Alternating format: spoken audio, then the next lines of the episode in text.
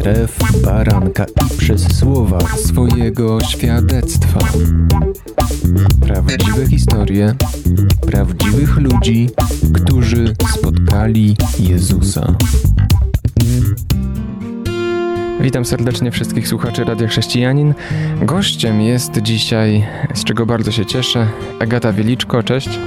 Siema. Jak do tego doszło, że poznałaś Boga?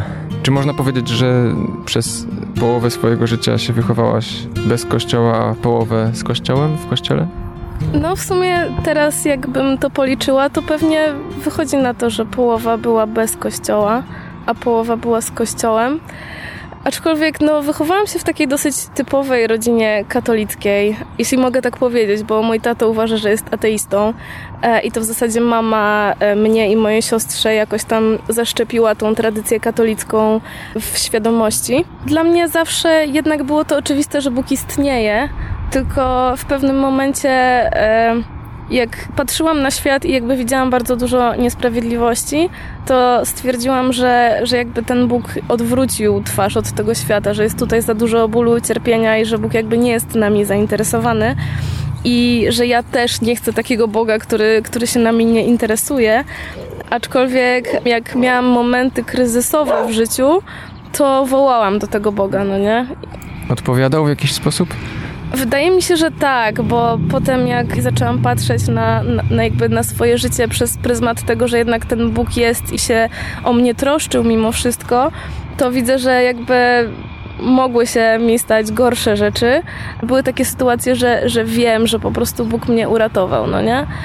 Ale zaczynając od początku, byłam bardzo takim wrażliwym dzieckiem. Bardzo wiele rzeczy mnie stresowało, co doprowadziło do tego, że w wieku jakichś tam pięciu czy sześciu lat e, zaczęłam bardzo chor chorować na jelita i musiałam zacząć uważać na to, co jem, na w zasadzie wszystko. Musiałam, musiałam brać tabletki, musiałam mieć badania, musiałam jeździć po lekarzach.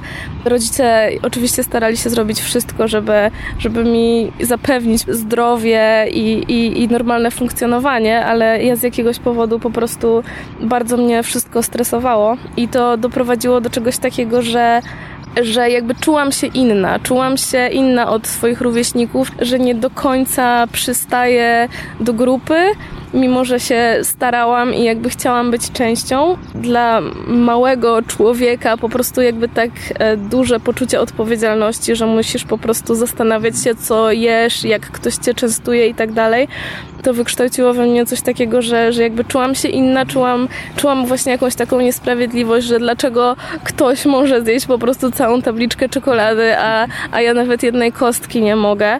Zadawałam pytania jakby dlaczego? Dlaczego to mi się dzieje? Jakby, że komu ja wyrządziłam jakąś krzywdę, że taka sytuacja mi się przydarza, więc myślę, że to gdzieś tam doprowadziło do tego, że, że, że zaczęłam uważać, że jakby Bóg nie jest fajny, nie? że Bóg zrobił coś takiego jakby bez powodu mi, więc dlaczego ja miałabym chodzić do tego kościoła i w każdą niedzielę kłóciłam się ze swoją mamą, że ja nie chcę iść do kościoła, że jakby po co ja mam iść do kościoła, że ja nie potrzebuję Boga i że po co Bogu e, jest w ogóle taka moja godzina w kościele, jeśli ja jestem do tego zmuszona i ja tego nie chcę, nie? A czy to, co mówisz, jest twoim wnioskiem po latach, czy wtedy już rozpatrywałaś te dylematy tak świadomie?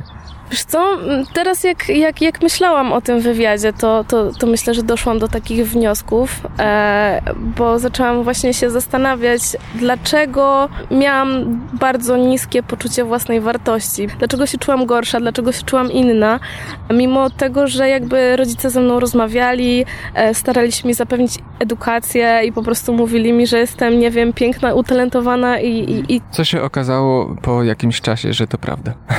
tak, ale no jakby teoretycznie wszystko było ok, ale z jakiegoś powodu ja po prostu bardzo mocno zmagałam się sama ze sobą i chciałam zrozumieć dlaczego. Przed przerwą chciałbym, żebyś jeszcze odpowiedziała na to pytanie, bo padły słowa oddać życie Bogu, Jezusowi, nawrócić się.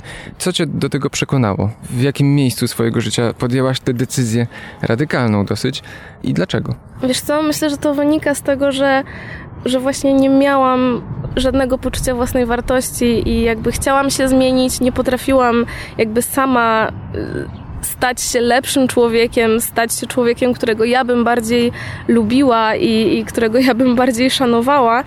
E, I kiedy zaczęłam słyszeć na temat Boga i Jego miłości, i też spotkałam na festiwalu slot chrześcijan, którzy mnie przyjęli taką, jaką jestem, bez oczekiwania, że jestem kimś złym, a raczej właśnie z oczekiwaniem, że coś dobrego jest w tej dziewczynie, to zaczęłam wierzyć w to, że ej, może, może mogę żyć inaczej, może ktoś może zobaczyć we mnie coś dobrego i może właśnie ten Bóg może mi pomóc jakby stać się lepszym człowiekiem, lepszą wersją samej siebie.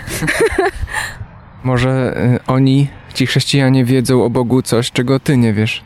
Miałaś takie przekonanie? Na pewno, bo moja walka z moją mamą spowodowała to, że jakby tak naprawdę nie miałam pojęcia o Bogu i o Biblii, e, więc, więc jakby myślę, że byłam świadoma tego, że, że nie mam pojęcia tak naprawdę o tym, jaki jest Bóg i kim On jest. To, co później odkryłaś e, i dalszy ciąg historii po przerwie, po piosence, zostańcie z nami. Słuchasz Radia Chrześcijani, ewangelicznej stacji nadającej z myślą o Tobie.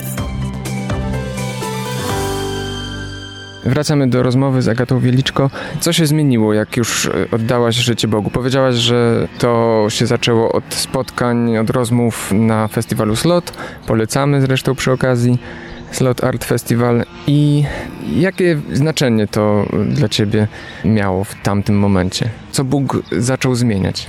Taką pierwszą rzeczą było to, że z dziewczynki, która gdzieś tam w liceum bała się, że nauczyciele mnie zapytają cokolwiek na lekcji i że będę musiała odpowiadać przed klasą i to przemawianie przed ludźmi mnie strasznie paraliżowało. W ogóle nie potrafiłam się odezwać do ludzi na przerwie w szkole i tak dalej to to, co się wydarzyło po slocie, po nawróceniu, po poznaniu Jezusa, to było to, że ja nagle zaczęłam dyskutować ze wszystkimi nauczycielami, że ja uważam inaczej, że ja uważam inaczej na temat tej interpretacji wiersza, że ja uważam inaczej na temat Biblii, na przykład z księdzem na religii. Zaczęłam się niestety w jakimś takim też swoim ówczesnym buncie przeciwko kościołowi katolickiemu zaczęłam się kłócić potem z tym księdzem się pogodziliśmy i razem zrobiliśmy kurs Ewangeliana na, na religii.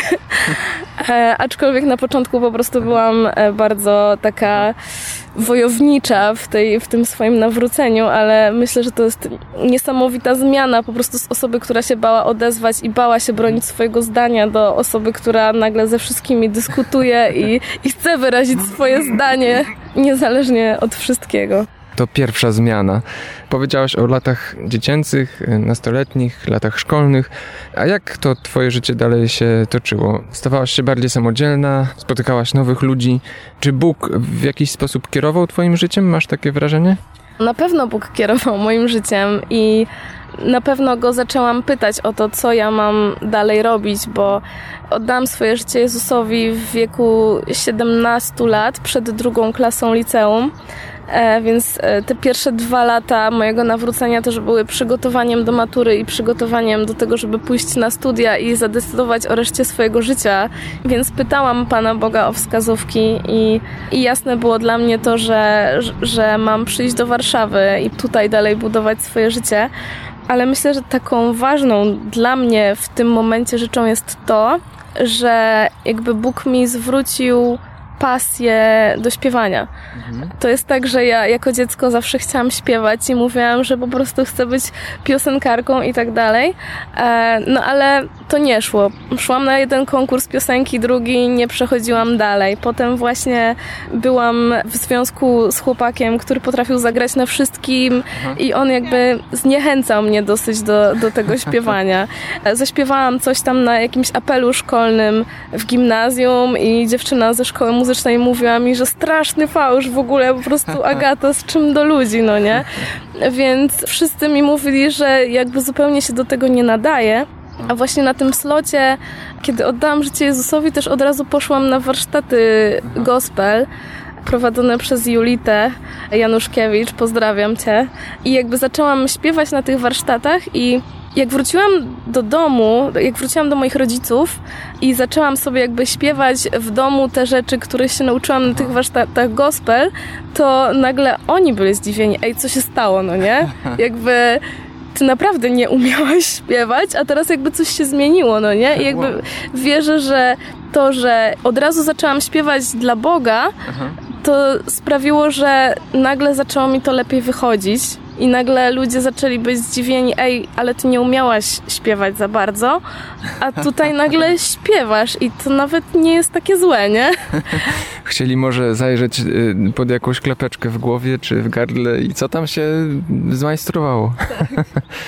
No i to śpiewanie do dzisiaj ci bardzo dobrze wychodzi, coraz lepiej, nawet z wysokiego poziomu do jeszcze wyższego. Ja się z tego cieszę.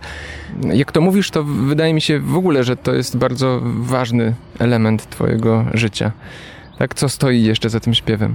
Wiesz co, mm, jeszcze może kończąc tą poprzednią wypowiedź, to w momencie, kiedy oddałam życie Jezusowi, pierwszym wersetem, który mnie gdzieś tam ba tak bardzo mocno dotknął, w moim życiu był e, z pierwszego listu do Koryntian. W ogóle kiedyś pisaliśmy razem piosenkę e, z tego wersetu, że to, co w świecie słabe wybrał Bóg, żeby zawstydzić mocnych i to, co w świecie głupie wybrał Bóg, aby zawstydzić mądrych. I ja, ja właśnie czułam się osobą słabą i, i niemądrą, ale z jakiegoś powodu Bóg mnie wybrał i, i miał w tym cel. I jakby teraz po latach widzę, że mimo że dopiero jakby w wieku, nie wiem, 27-8 lat zaczęłam chodzić do szkoły muzycznej i wcześniej byłam bardzo ignorantem, jeśli chodzi o muzykę, to bardzo szybko Bóg mnie zaczął używać właśnie przez tą muzykę, przez, przez to, że śpiewałam dla Niego, żeby gdzieś tam dotykać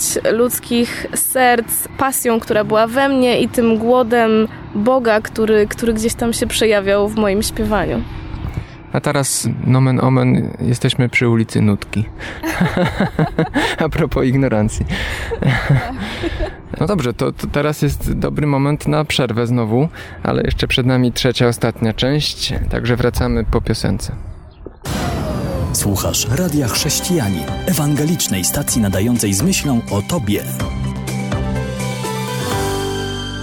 Wracamy do audycji, do świadectwa Agaty Wieliczko.